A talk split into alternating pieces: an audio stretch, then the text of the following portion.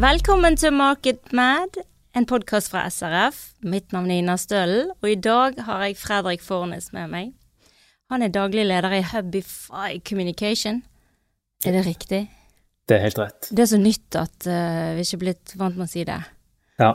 Ja. Det, Jeg tenker at du sånn uh, dayjob er å være uh, markedsfører, foredragsholder, som er opptatt av tekst, kommunikasjon, personlig branding. Og så er du liksom rockestjerne på LinkedIn på kvelden. det er liksom mitt bilde ja, av deg, da. Jeg vil ikke kalt det rockestjerner, men eh, det er nå blitt eh, Jeg har brukt litt tid på det siste året, for å si det sånn. Det har vært en ganske spennende reise. Ja, jeg er veldig nysgjerrig på den reisen, for det jeg opplever fra å bare følge deg på LinkedIn, er at du er blitt en litt sånn golden boy på LinkedIn. Plutselig blitt veldig ettertraktet eh, foredragsholder. Og du er nominert til sånn pris på Social Media Days. Og så tenker jeg, her, her er noe magi du har fått til, og du knekker noen koder som jeg håper vi kan lære noe av, da. Eh, og hva er det egentlig som gjør at eh, du lar deg engasjere så veldig av LinkedIn? Det er jo at andre folk skal oppdage det enorme potensialet som ligger der, da, som jeg har oppdaga det siste året. Ja. Det um, var jo aldri planen min at det skulle bli så mye som det har blitt, og at jeg skulle holde foredrag om det sånn, men jeg tror det egentlig sier mer om plattformen enn det gjør om meg, eh, den reisen jeg har hatt det siste året. Det, det var liksom, Tanken min var at jeg skulle bygge merkevaren til, til firmaet jeg skulle starte i for et år siden, som var et eh, B2B-selskap. Og fant ut at ok, da er sikkert LinkedIn en lur plattform, da. Og konsumerte det jeg fant av webinarer og e-bøker og, og den type ting, stort sett utenlandsk, for det finnes veldig lite i Norge. Kunnskapshullet rundt LinkedIn er stort i Norge. Og så observerte litt og sånn, og så la jeg ut min første post i august i fjor.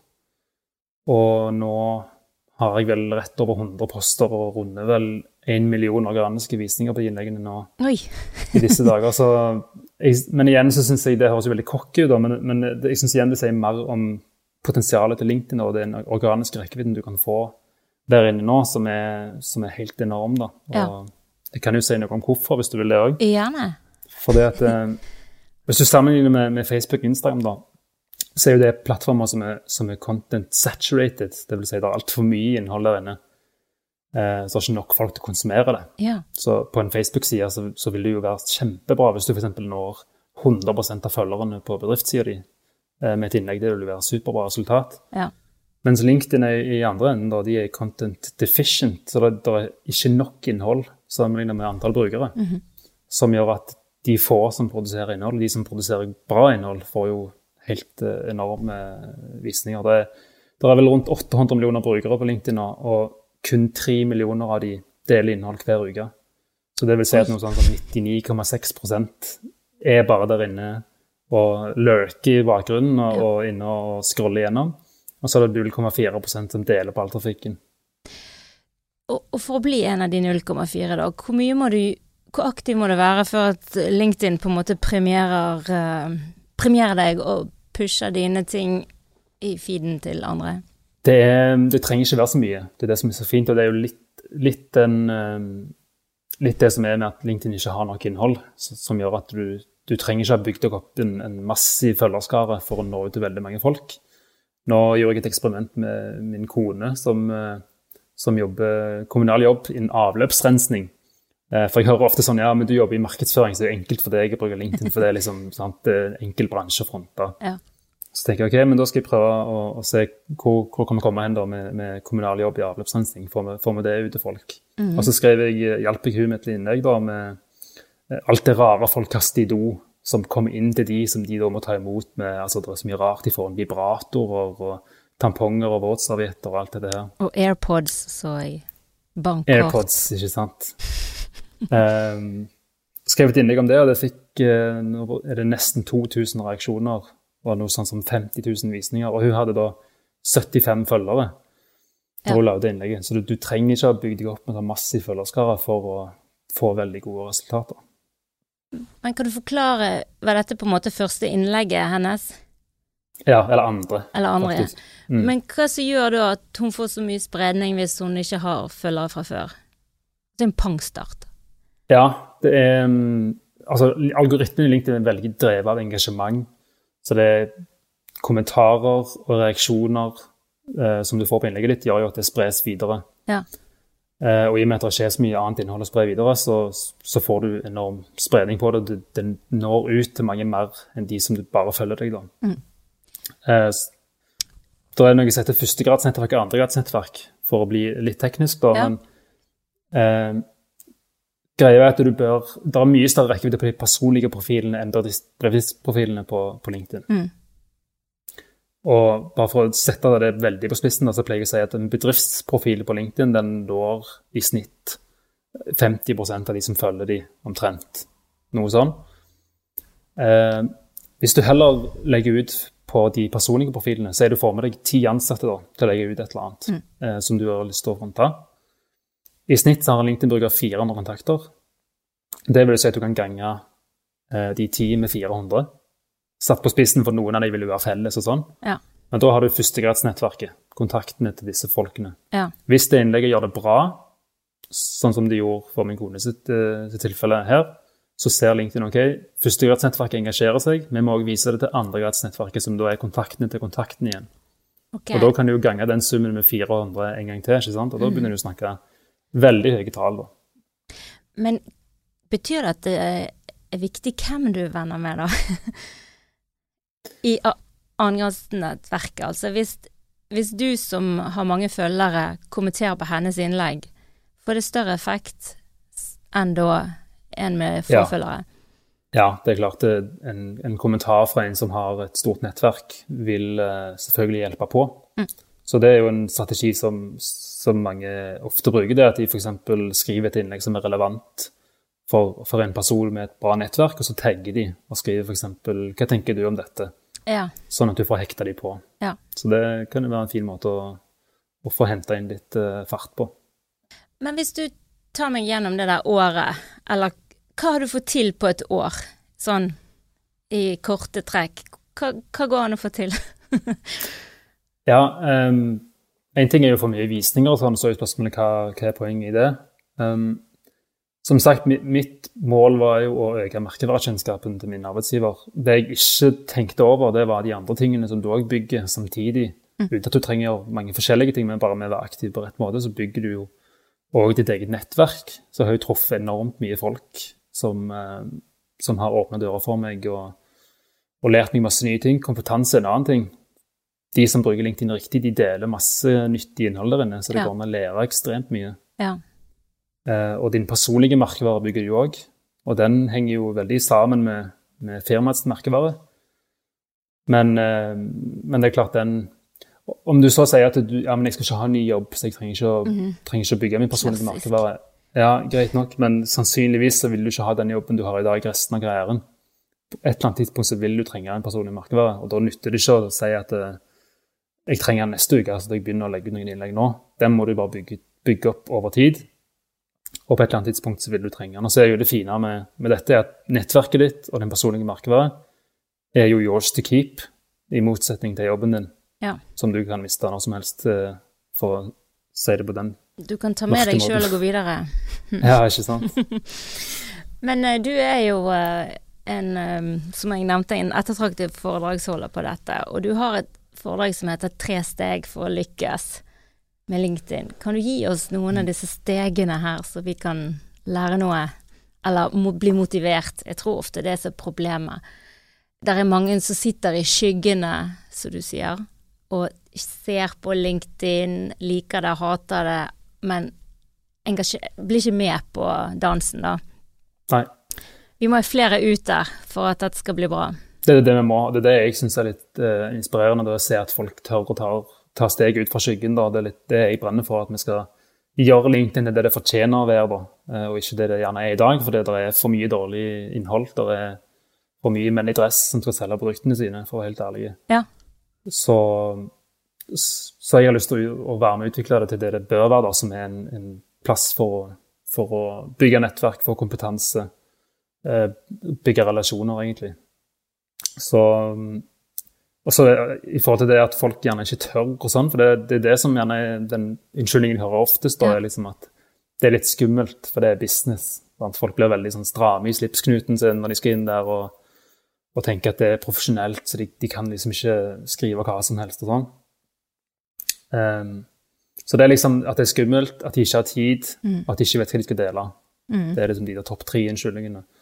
Um, og hvis jeg skal ta for meg de tre, da, bare for å ta det først, det at det er skummelt uh, Husk at ingen bryr seg mer om det innlegget ditt enn du sjøl. vi andre vi driter i det, for å være helt ærlig. I hvert fall hvis det er dårlig. Da scroller vi forbi det. Ja, det husker vi det ikke. Nei, og algoritmen vil òg drepe det, for algoritmen ser at dette får to kommentarer, Eh, og det er fra mor di og sjefen din. Og dermed så, så dør det ut. Viser ja. det ikke til flere. Det går ikke til andregradsnettverket, som jeg nevnte. Ja. Um, og i tillegg, du skiller deg jo ikke ut der inne med å lage dårlig innhold, for det, de fleste gjør det. Ja. Det er jo først når du lager bra innhold at du skal begynne å tenke at uh, kanskje dette er litt skummelt. Um, det at du ikke har tid, det er tull. Det har du. Og det trenger ikke ta lang tid. Det er liksom snakk om å legge inn et par kommentarer eh, nå og da. Jeg har sittet på doskole og skrevet noen kommentarer. Du får alltid tid eh, til å gjøre det. Ja. Og um, det trenger ikke være mer enn ett innlegg i uka. To innlegg i uka har jeg hatt ja. siste året. Ikke mer enn det. Ok, Så det er omtrent som en god sånn treningsplan. Du må ha to i uken, eller én. Ett. Ja. Begynn, begynn med ett, f.eks. Ja. Og jeg, har, jeg, prøver å ha litt sånn at ok, mandag og onsdag f.eks., da kommenterer jeg på andres innlegg. Mm -hmm. Tirsdag og torsdag legger jeg ut et eget innlegg. Og det skal vi komme tilbake med de tre stegene. For yes. det, det, det, det handler om. For, for um, altså det første steget er jo å pusse opp profilen. Det sier seg sjøl. Og veldig veldig mange har jo en profil som, som, ligger der, men den er ikke ferdig. Den er sånn halvferdig. Det var jo min òg for et år siden. Mm.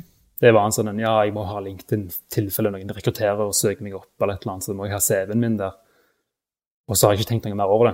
Ja, høres kjent ut. Og det, ja, og det er jo litt dumt, da, fordi at eh, når folk søker deg opp, og det trenger ikke være rekrutterer, det kan være kunder som skal i møte med deg, f.eks., så kommer LinkedIn-profilen din opp veldig høyt på Google. Sannsynligvis en av de første resultatene. Mm. Og når de da går inn på den og ser at uh, du har ikke lasta opp et bannerbilde, f.eks., det er bare sånn grå placeholder-bilde, og um, generelt profilen ser halvferdig ut, så er jo det et kjempedårlig førsteinntrykk ja. å gi. Så de to neste stegene som jeg skal snakke om, det er å være aktive, og de er litt sånn Vi kan ikke tvinge folk til å dele eget innhold. Du bør gjøre det, men kan ikke tvinge folk. Men den første her med å pusse profilen, den må du bare gjøre. Ja. Fordi at den er søkbar, den ligger der ute. Og den har òg den har òg noe med førsteinntrykket til arbeidsgiveren din å gjøre, tenker jeg. Så det er nesten sånn at firmaet bør sette et krav om at den skal være en viss standard. Fordi at uh, igjen, dårlig førsteinntrykk på deg, dårlig førsteinntrykk på arbeidsgiveren din. Den liker jeg. Mm. Mm. Så er det jo OK, om du pusser profilen din og sånn, så, så, er det fint og flott, det, men det er jo ingen som ser den hvis du ikke er aktiv. Med mindre de søker deg opp, da, så da må de faktisk gå og lete etter deg. Jeg pleier å sammenligne det med hvis LinkedIn på en måte er en skog da, av businessfolk, og du har opp profilen din, så sitter du egentlig bare bak i tre i finstasen, men du er liksom avhengig av at folk beveger seg rundt det treet for å få øye på deg. Og da, som sagt, da er det jo fint at du har opp profilen din og ikke sitter der i underbuksa ja. og drit, driter deg fullstendig ut. Men, eh, men, skal du bli synlig, så må du jo faktisk ut og springe i denne skogen, dvs. Si være aktiv. Ja. Sånn at folk får øye på deg. Um, og da er det liksom Steg to, engasjere deg i andres innhold. Det er gjerne det enkleste først. Um, hvis du syns det er skummelt å dele egne poster, så begynn med å engasjere deg i andres innhold. Det er kanskje vel så viktig som å lage egne poster, det er å kommentere på det andre gjør. Mm. Det er en fin måte å bli synlig på. Så du får mer effekt av å kommentere enn å bare like, sant? Ja, og jeg, jeg pleier å si at hvis du sammenligner LinkedIn med et fysisk mingleevent, for det er egentlig det det er, selv om det er digitalt, så tenker du deg selv kunne jeg gjort dette på et fysisk minglevent? Og hvis du er den som bare går inn og liker alt, så er det i praksis den som går på mingleeventet bort til en gruppe, og så står du og nikker under å åpne munnen, og så går du videre til neste gruppe, og så står du og nikker der òg. Og så neste står du og bare nikker. sant? Folk begynner jo å tenke hva alle dager er dette for et menneske? Mm. Du vil jo åpne munnen din og bidra, selvfølgelig, i samtalen, sånn at du viser at du har noe å komme med. Ja. Så ja, du kan like noen poster og sånn, men kommentarer er så mye, mye, mer verdt. Både i forhold til at du viser hva du kan, men òg i forhold til algoritmen. Kommentarer er alltid mest verdt. Det, bensinen til, til, postene på LinkedIn det er kommentarer. Så jo flere kommentarer du får, jo bedre rekkevidde får du. Ja. Altså, hvis du kommenterer på andres, så får du bedre rekkevidde på dine seinere? Eh, ja, fordi at du der er, igjen, nå blir vi litt tekniske her, men det er en score på vårt forhold i algoritmen. Mm. Så hvis jeg har sendt meldinger, direktemeldinger med deg, Ina, så legges det inn i en score eh, som vurderer vårt, vår styrkeforhold. Ja. Um, hvis jeg kommenterer på mange av dine innlegg, og du kommenterer på mange av mine, så sier jo algoritmen her at ok, disse to er tydeligvis relevante for hverandre, vi er nødt til å vise postene deres til hverandre mm. ofte. Så jo flere du klarer å bygge opp en, en sånn en bra score med, jo flere vil jo se postene dine. ja. Her gjelder det å skrive. Det er bare, altså, Men prøv å være litt genuin, da. Ja, selvfølgelig. Eh, igjen, igjen med det der fysiske mingleventet. Eh, hvis du bare går og så sier du 'så bra', eller 'helt enig', altså mm. er du i neste gruppe så er du helt enig der òg, så. Ja. begynner folk å skjønne hva du holder på med. Så, Eller bare én emoji. Teller det? ja, det er jo litt sånn Ja. Det koster koster null kalorier. Ja, og jeg har jo min filosofi at jeg skal svare på alle kommentarer som jeg får òg. Og de er jo ekstremt vanskelige å svare på, de som bare er en emoji, eller Det er vanskelig å dra den samtalen videre, for å si det sånn. Ja. Det stopper litt opp. Ja, det gjør det. Og så, um, når du har gjort det og blitt varm i trøya der, begynn gjerne med å like noen poster hvis det er liksom det som skal til for at du blir litt varm i trøya, og så kommentere etterpå. Ja. Mhm. Um, jeg pleier å gi helt nye folk i LinkedIn pleier jeg en, en sånn 14 dagers boost-challenge. Det er liksom uke én. Tre dager i uka så liker du tre innlegg fra tre forskjellige personer. Mhm. Så bare gå inn og legge igjen tre likes på tre ulike folk sine poster. Uke to, da har du blitt litt varmere i trøya. Da skal du legge igjen tre kommentarer på tre ulike folk sine poster. Tre dager denne uka. Mhm. Hvis du gjør det, skal jeg love deg at profilvisningene dine pst, skyter i været. Folk går inn, klikker på deg, ser hvem er dette, blir nysgjerrig. Inn på profilen din, gjerne klikker de seg videre til nettsida di osv. Da er du i gang med å være synlig. Ja. Det er jo kjempeenkelt. Det, er- det er ikke så vanskelig. Det er ikke så avansert, altså. Og hva tror du som gjør at vi ikke gjør dette, da? Altså, er, det, er vi redd for å møte på et troll inni der? Er vi redd for å dumme oss ut? Ja, jeg tror det. Jeg tror folk eh, blir livredde av at det er, en, det er en profesjonell plattform, og folk vil vurdere det du gjør og, og sånne ting. Og det Troll finner du overalt, så drit nå i de få som er av sånne folk. Jeg har truffet veldig få av de inne på LinkedIn. Jeg opplever at LinkedIn er et ekstremt støttende samfunn Ja. som har lyst til å heie deg fram. Og det ser du òg når jeg drev og analyserte før jeg starta med LinkedIn sjøl, analyserte hva poster er det som gjør det bra, så ser du at de postene hvor, eh, hvor forfatteren viser sårbarhet, f.eks., for eksempel, forteller om et eller annet som har vært utfordrende, eller, eller noe sånt, får massiv støtte og massivt uh, engasjement. Så Det er en fellesnevner i, i veldig mange av de virale postene. Det er en, et eller annet element av sårbarhet. Så det at du Ja. det at du må være så picture perfect inne på LinkedIn eh, fordi det er profesjonelt det, du, du skyter deg selv i foten med å gå inn i den der formelle bobla og skrive formelt og ikke Ja. tørre å by på deg selv og ikke være personlig. For Ja. da blir du en del av den der grå massen som folk bare scroller forbi. Ja. Ja, for det er noen som er meget aktiv og som kommer med bra innhold, men jeg syns jo òg det er noen som er aktiv som bare Hva skal jeg si trøtter meg ut. Ja, Hva må vi slutte med, som er, de som er aktive, og sikkert meg sjøl? Hva må vi slutte med for å ikke drepe omgivelsene? Hva er det verste du ser på LinkedIn? salgspitcher. Ja. Salgspitcher er det verste jeg ser. Ja. Av en eller annen grunn så er det noen som tror at fordi dette er en businessplattform, så er det lov å komme med reklame som organisk innhold. Eh, og hvorfor den oppfatt, Hvor det kommer fra, vet jeg ikke, men, men det er jo um, mot sin hensikt. Ja. Um, du kan for så vidt omtale deg sjøl og det du holder på med til en viss grad, men da må du ha gjort deg fortjent til det gjennom å ha masse annet innhold som er av verdi Mm. for mottakeren. Jeg er jo ikke interessert i å ha eh, reklameinnhold fra et eller annet firma i feeden min. Da, da fjerner jeg deg heller. Ja.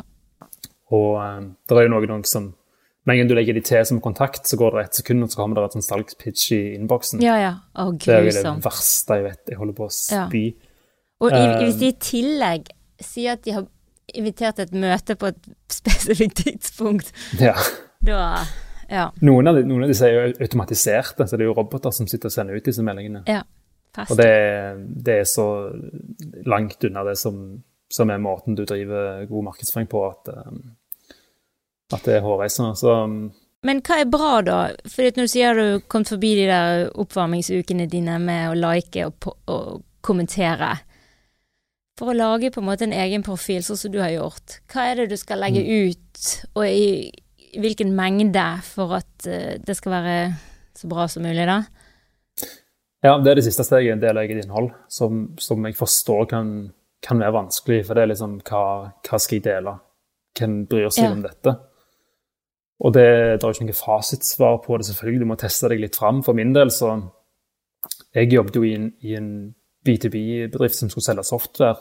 Mm. Men jeg kan jo ingenting om software. Jeg kunne markedsføring. Så for min del så ble det å snakke om markedsføring, og etter hvert LinkedIn, da, ja. som, som, ble min vei.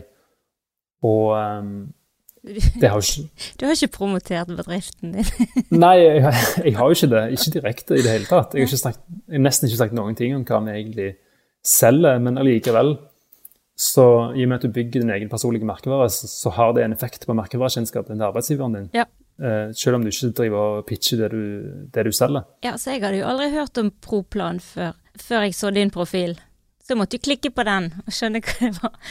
ikke sant. Jeg, jeg, fikk en melding noen måneder ut i, ut i, dette eventyret fra en fyr som jeg ikke hadde kontakt med engang, men, og ikke, visste ikke hvem han var. Han skrev i meldingen at han hadde hatt en opplevelse. Han hadde kjørt på motorveien, så hadde han sett logoen til Proplan. Eh, og så hadde han tenkt ah, det er jo han der fyren fra LinkedIn. Proplan, hva er det de driver med da igjen? Og så hadde han begynt å liksom, tenke videre på vår organisasjon. og for meg er det akkurat det det handler om, LinkedIn. Du skal posisjonere deg, gjøre deg top of mind hos folk. Mm. Eh, det er jo inbound marketing, altså content marketing. Posisjonere deg sånn at den dagen de har det behovet, så, så tenker de på deg, selv om du eh, ikke har eh, nødvendigvis eh, pitcha så veldig hva, hva, konkret produkt du selger. Sånn. Nei, så det du egentlig promitterer, er hvordan du er som å jobbe med, eller hva du ja, det større bildet. Ja. Det større bildet. Altså hva, hva, visjoner og verdier har dere i firmaet? Um, hva er det som, som, gjør at dere eksisterer? Hva, hva samfunnsansvar tar dere? Mm. Alle disse tingene her som er med å, å bygge tillit, og ikke minst dele kompetanse. Ja. Um, det er en som heter John Esperian, som er en sånn um, amerikansk LinkedIn-coach eh, som har skrevet mye om bra innhold på LinkedIn. har et sånt fint prinsipp som jeg pleier å, å nevne. Det er chair-prinsippet. Og, og det, disse bokstavene i chair, jo flere av de du klarer å treffe i innlegget ditt, eh, jo bedre vil det sannsynligvis gå. da. Oh, ja. Så da har du C-en som står for challenging, så det er jo å spørre et spørsmål, utfordre folk, komme med en mening, et eller annet sånt. H-en står for helpful, så lærer de et eller annet. Det er jo stort sett det jeg har gjort i mine poster. det er jo mm. Eh, deler av LinkedIn-tips. Eller deler mens jeg lærer. Jeg er ikke noen ekspert på LinkedIn. Jeg bare, mens jeg har lært, så har jeg delt. Ja. Helpful. Og da er det verdi for folk. Eh, A-en står for amusing, og den er jo kjempeundervurdert der inne. For folk blir så stive i, i maska der inne ja. at de tør ikke by på seg sjøl og ha litt humor og være litt sånn ikke sant? Ja. Litt uformell og, og, sånn. Så med en gang de får litt av det, med en gang du går litt mot strømmen og, og, og skriver på en litt sånn utradisjonell måte og har litt humor, så folk er jo sultefòra på det der inne. Ja. Og så har du de to siste som er interesting og relevant. Så det er jo selvfølgelig å holde det, holde det på et eller annet måte relevant til det du gjør, eller til business eller et eller annet. Ikke, ikke bare ha en eller annen uh, kattevideo som er morsom, uh, men at det er et, et poeng da, i ja. forhold til det du holder på med, din målgruppe. OK, the chair. Det klarer vi å huske. Men, men ja. jeg òg lurer på at uh, man er gjerne i sin jobb og dag inn og dag ut, og har gjerne snakket litt om det man gjør på, eller er god på, eller uh, står for, sant. Og så begynner du å tenke gud, dette har jo Hva skal jeg si nå, da? Altså, nå har jeg fortalt om hva vi gjør, og skal jeg fortelle det en gang til? Skal det gjentas?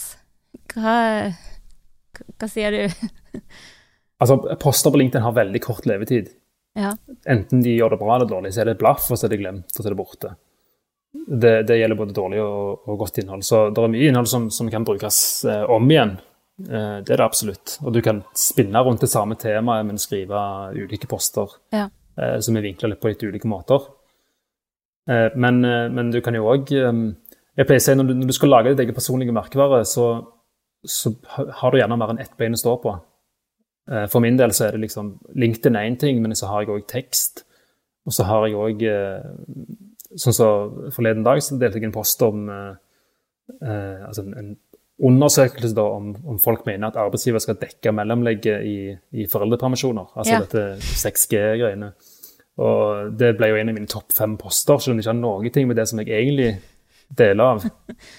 Så du, du har, det er liksom rom for å komme med litt sånne ting òg, for to, altså summen av alle de tingene er det som utgjør din personlige merkevare. Ja. Men eh, dette med å bygge opp bedriften sin profil, da. Er det viktig? For du sier du får veldig lite synlighet på det. Mm. Du, jeg ville ikke lagt uh, veldig mye innsats ned i det. Samtidig så bør det være en viss aktivitet. Mm. Og noen poster fra en bedriftsside kan gjøre det veldig bra. Det er ikke sånn dermed sagt at du ikke, at du ikke skal gjøre det i det hele tatt. og du, du, er faktisk nødt til å ha den sida, fordi at de ansatte må kunne koble seg opp mot den på sine personlige profiler. Skal du kjøre annonser, så er det jo derfor du gjør det. Men, ja. um, men du vil se, hvis du selv scroller gjennom feeden nå, uh, etterpå, så vil du se at 90% av innholdet er fra personlige profiler, av det som er organisk. Det er veldig, veldig lite fra bedriftssider. Men hvis, hvis, du skal ha noe innhold der, så vil jeg si at prøv å bruke det til et utstillingsvindu for de personlige profilene. Sånn at uh, du gjerne snakker om menneskene som jobber der, viser de fram, tagger de i de postene, sånn at folk blir ledet inn til de personlige profilene. Ja. Um, snakk, altså milepæler og jubileum og denne type ting. Nyansettelser. Men gjerne hold det personlig. sant? Uh, Solv er et godt eksempel. Søk opp Solv på, på, LinkedIn. De gjør det veldig bra. Når det begynner nye folk å Solv, så sier de gidder du sende oss noen bilder, og helst litt fra sånn når du er på tur med hunden eller et eller annet sånt. Ja, fritid. Så viser personlig, ja, ikke sant? Sånn at ja. vi føler at vi knytter et bånd til vedkommende ja. på en helt annen måte enn hvis det er i en dress ut forbi bygget og vi sier 'velkommen, dette blir gøy'. Ja. Det er liksom Det er ikke så gøy. Nei, det er, ikke, det er, ikke, så gøy. Det er ikke det. Hva, hva, er det for mye av, da, på LinkedIn? Hva må vi slutte med? Dårlig innhold generelt. Men øh, også tror jeg folk tenker veldig lite over hvordan de presenterer innholdet. LinkedIn er jo sånn at det vises f.eks. tre linjer kun, og så kommer det altså en se mer-lenke. Ja. Og det vil jo si at du har, du har de tre linjene på å overbevise om at folk skal lese videre. Og da har det ingenting å si om den posten, om budskapet og innholdet egentlig er superbra.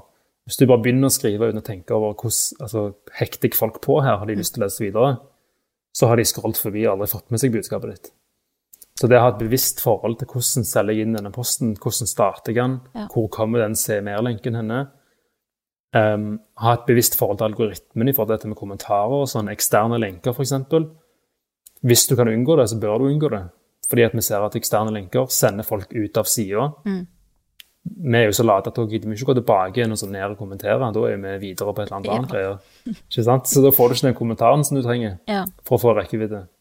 Men hvis folk ikke trykker på den se mer-linken, mm. uh, måles det som rekkevidde? Altså måles det som at noen har sett posten din, hvis de ikke har klikket? Det måles som en visning, det gjør det, så lenge det er lasta inn i feeden til noen. så måles det som en visning i forhold til tekstinnlegg. Videovisninger er litt mer eh, reelt i forhold til visninger. For videovisninger er at de har sett tre sekunder eller mer eh, av videoen din. Ja. Og Dermed vil videovisninger naturligvis være mye lavere, men det er mye mer reelt tall. da. Mm. Så, men det er klart, LinkedIn vil måle alle signaler på om folk leser innlegget ditt. Og det vil jo si, hvis noen klikker på 'se mer', så er det et signal til algoritmen om at dette blir lest. Ja. De, har jo, de har jo innført altså det som, det som skjer når du legger ut innlegg, det gjøres en vurdering i løpet av de første to eller tre timene. Hvor de tester det på en del av fuskenettverket ditt. Og så gir de deg en score mm. på hvor bra gjør dette innlegget det. Og så ut fra det så vil de vises til flere, eller så vil de drepe det. Mm. Og den scoren settes sammen av og i rangert rekkefølge antall kommentarer, som er det viktigste. Antall likes er nummer to.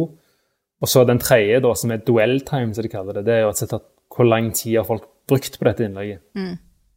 Og den er kommet inn litt for å bøte på de der 90% som lurker der inne, som scroller gjennom og leser, men de gir deg ingenting av respons eller kommentarer. Men de har brukt tid på innlegget, så det tar jo nå med i, i Så de i skyggene, de får vi uttelling for?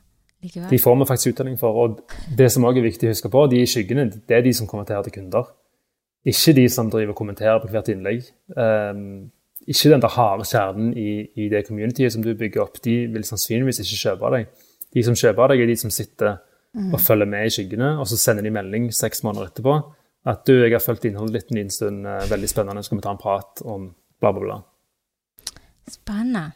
Mm. Så da får mor og heiagjengen bare jobbe på? Og så må man tenke at de jobber ja. for noe bak i skogen der vi ikke ser. Ikke sant? Ja. Så det er litt viktig å ha den. Du må ha den kjernen for, å få det spredd ja. ut til de som sitter i skyggene rundt forbi og, og følger med. Ja.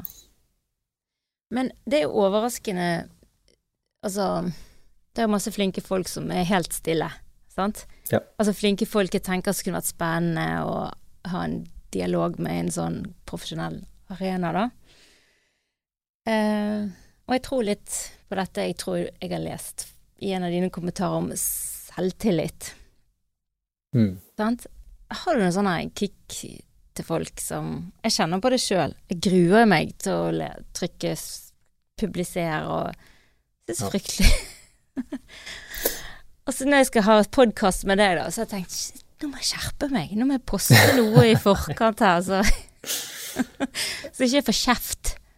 Nei, altså jeg, jeg, jeg, jeg, tror du er inne på noe at det, det har litt med, med selvfølelsen å gjøre. Jeg hadde, skrevet innlegg om akkurat det med at folk bruker unnskyldningen ja, men jeg vet ikke hva jeg poste, eller jeg har ikke noe å komme med. Ja. Og da sier jeg at innholdsproduksjon er ikke problemet ditt, da er det selvbildet ditt som er problemet ditt. Fordi du har alltid noe å komme med. Du sitter på en eller annen kompetanse som ikke hele nettverket ditt gjør. Så det vil være nytt for noen. Det vil ha verdi for noen. Og til og med hvis du er arbeidssøkende, sliter med å få jobb, så er det en erfaring som du kan dele av, som ikke han der CEO-en som har hatt uh, samme jobben i 25 år, har hatt. Mm. Og dermed er det òg av verdi, og du kan inspirere andre. Så, så det er alltid et eller annet uh, du kan bidra med. Og, um, og, den der følelsen av at det er skummelt, og sånn, det, det var det for meg òg for et år siden. når jeg la ut min første post, så var det sånn OK, hvem bryr seg om dette? Mm. Men det er en, det er en tilvenningssak som, som uh, Altså, den mestringsfølelsen som ligger i andre enden, hvis du tør å gå litt forbi komfortsonen, den er så enorm for min del òg. Jeg er en introvert fyr som ikke liker å ha masse oppmerksomhet på meg, og i hvert fall ikke liker å stå på en scene. Så det å holde et foredrag var jo så langt ut forbi min komfortsone at uh, folk fikk jo sjokk når jeg sa jeg skulle gjøre det, liksom. Ja. Men, uh, men du, du, lærer deg jo å, å like ting som du kanskje syns er skummelt i, i utgangspunktet. så som sagt, hvis du begynner med en like, og så mm. tar du gjerne en kommentar, og så prøver du deg på et innlegg, og så ser du at det er ikke så skummelt, ingenting farlig skjer. Det verste som skjer, er at ingen bryr seg. Ja. For det er interessant du sier at det er mindre sånn negativ respons i denne kanalen enn andre kanaler. Ja, for det tror jeg har litt sammenlignet med at det er en profesjonell kanal. sånn at ja. Eh, hvis du driver og hakker ned på andre og sånn, så altså, det er jo en kjempedum plattform å gjøre det på, i hvert fall. Så jeg tror, eh, jeg tror nok de holder seg litt mer til til litt mindre businessrelaterte plattformer, disse kjære trollene våre. Mm. Men når du skal legge ut et innlegg, um, og så sier du OK, de der tre første linjene er liksom salgspitchen din for at noen skal lese videre. Uh, jeg ser at noen bruker blokkbokstaver, bare for å liksom få dem med. Ja. kan vi si noe om det? er det veien å gå? Jeg, jeg liker det ikke. Det er gjerne en smakssak, men i mitt, hode, ja, i mitt hode så, så, skriker jeg det til meg sjøl. Ja. så, så, jeg får vondt i hodet av det. Ja, jeg, jeg, liker det ikke.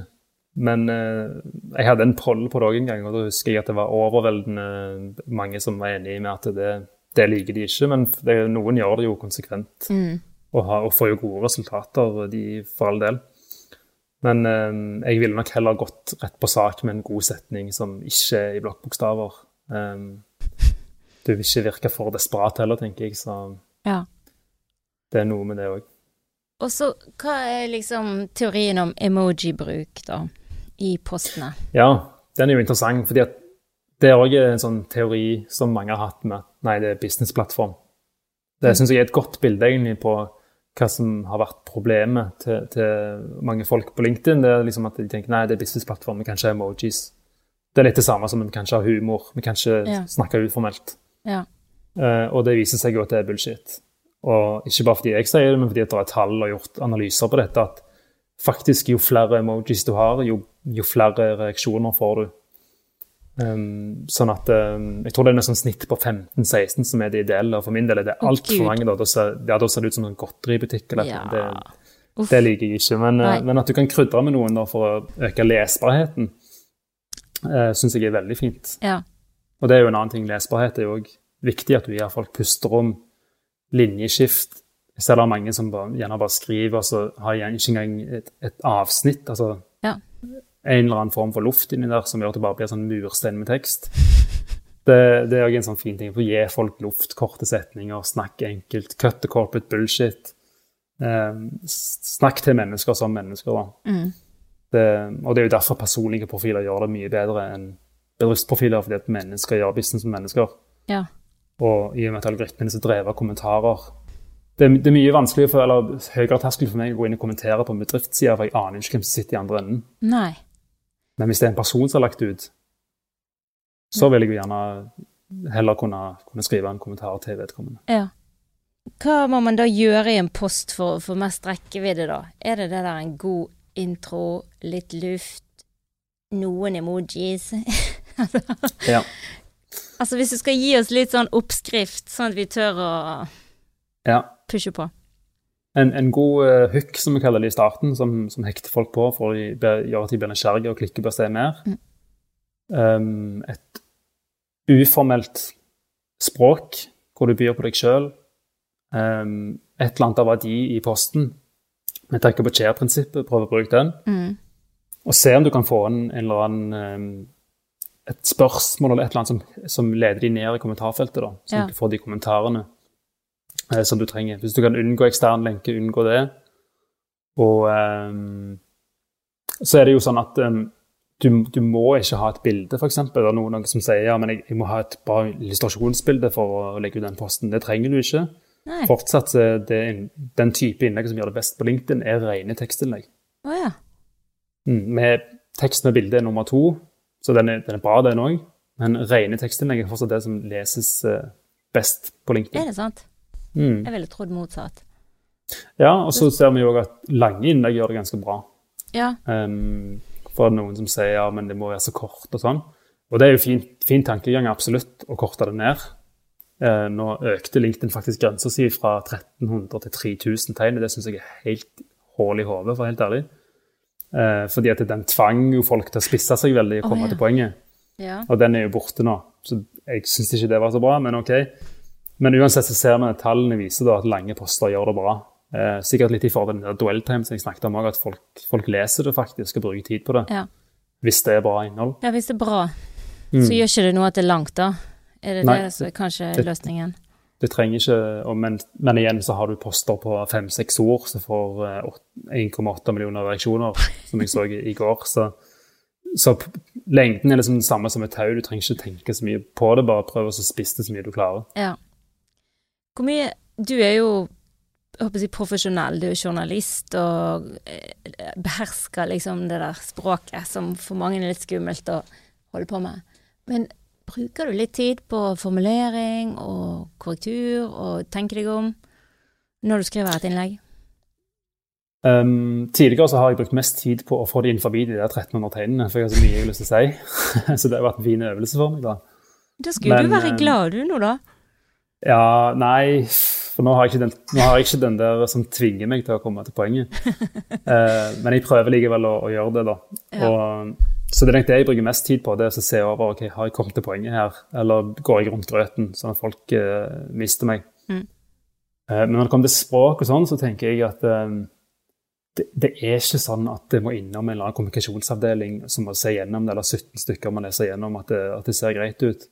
Eh, jeg vil si at nest, Det er nesten mer sjarmerende og mer ekte hvis det er en skrivefeil, eller hvis det ikke er satt opp helt på den måten som jeg gjerne ville sagt det skulle vært. og sånn. Mm. Det, det gjør det mer eh, personlig og ekte, syns jeg. Så, så du trenger ikke være redd for at det skal være så perfekt. Det, det er ikke vits å bruke tid på. Skriver du mange saker som du har på liksom siden? Er det sånn? Om, sånn ekorn. Du jobber litt på siden til de ukene du ikke har så mye tid. Jeg, nei, jeg har, veldig, jeg, har sånn, eh, jeg har ikke sånn løp med poster som ligger klart, egentlig. Det, det er veldig mye sånn innfall jeg får. eh, og så skriver jeg når jeg er inspirert, og så får jeg det ut. Så har jeg gjerne noen, en notisblokk med ideer og sånn, men jeg, jeg, er litt sånn tilhenger av at Folk spør meg ofte ja, men hva tid bør du legge ut og sånn. Ja. Og da sier jeg når, det, når du har noe å si. Sant? For hvis det blir en sånn en torsdager klokka to, da skal jeg legge ut noe. Da blir innholdet litt uh, deretter, som regel. Da blir det dårlig. Men hvis du kjenner at du er inspirert og, og får ånden over deg, så skriv det og få det ut. Med mindre det er lørdag klokka halv tolv på kvelden. Ja. Fordi at jeg nevnte jo disse to-tre timene i starten som er viktige for Ja. å få en god score. Så ha den litt i bakhodet, da, at målgruppen din er på når du legger det ut. Men utover det, skriv når du har noe på hjertet. Mm. Men LinkedIn, når er folk på, da?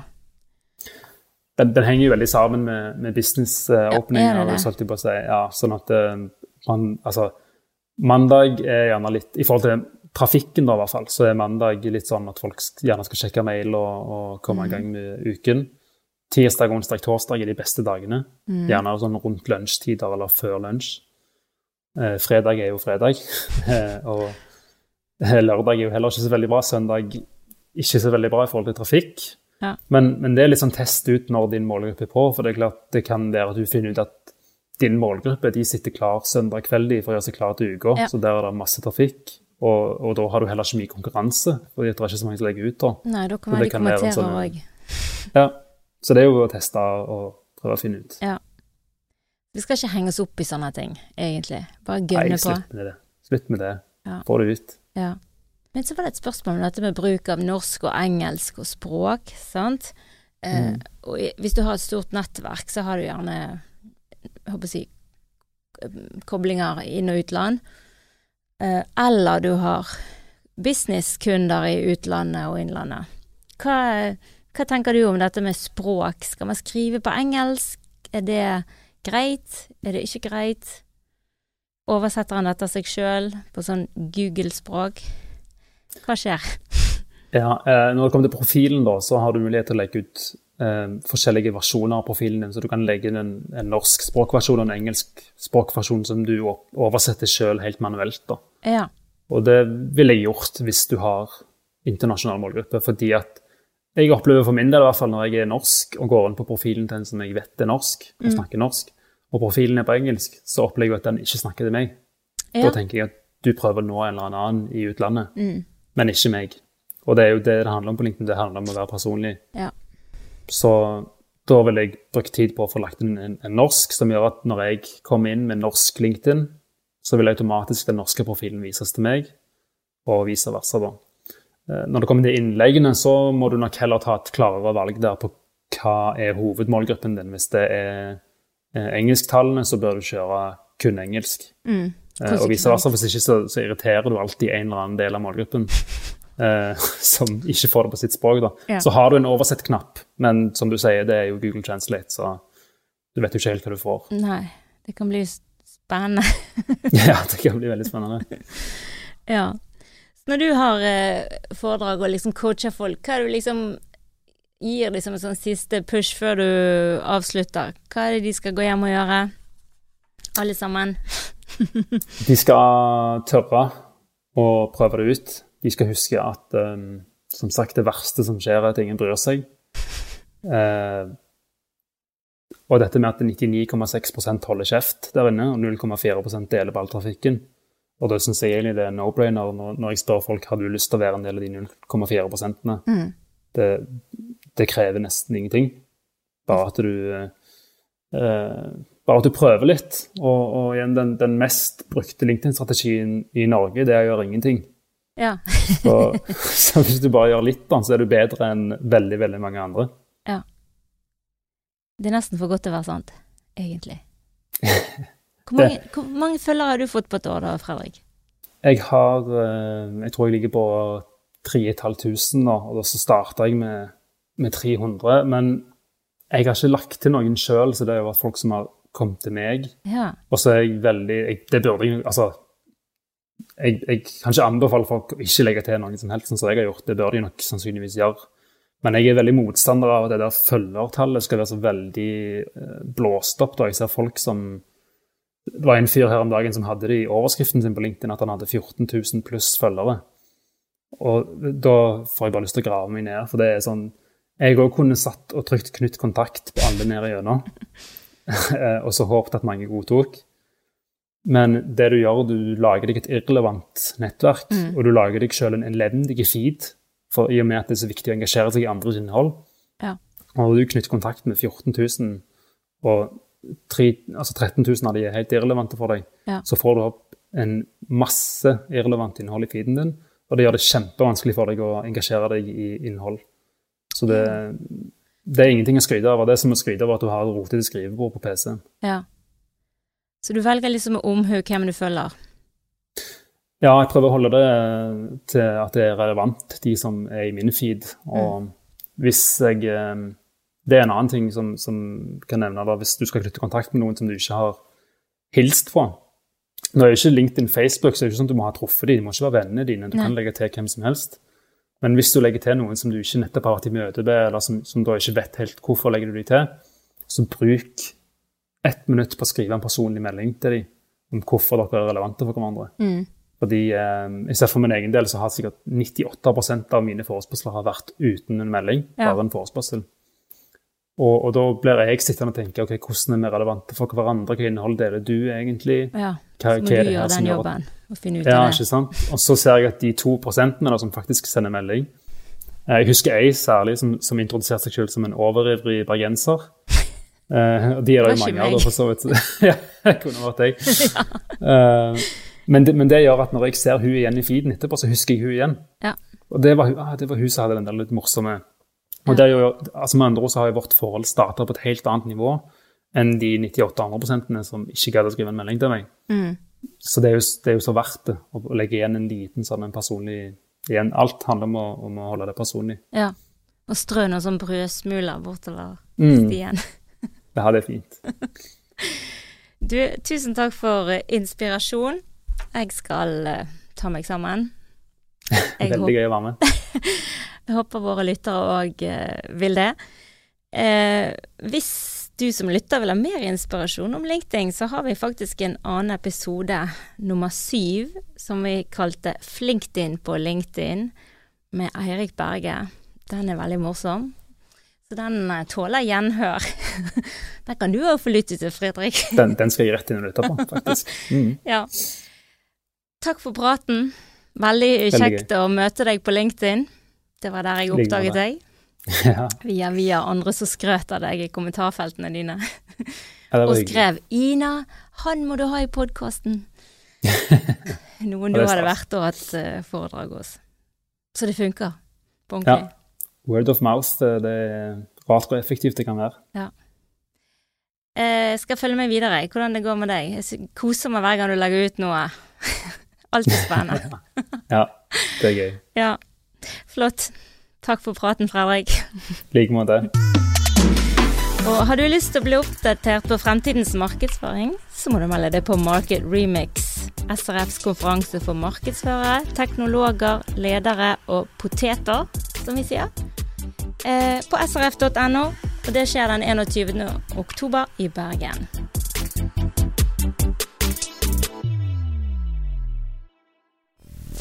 Mainstream. Mainstream. Mainstream. Mainstream. Mainstream.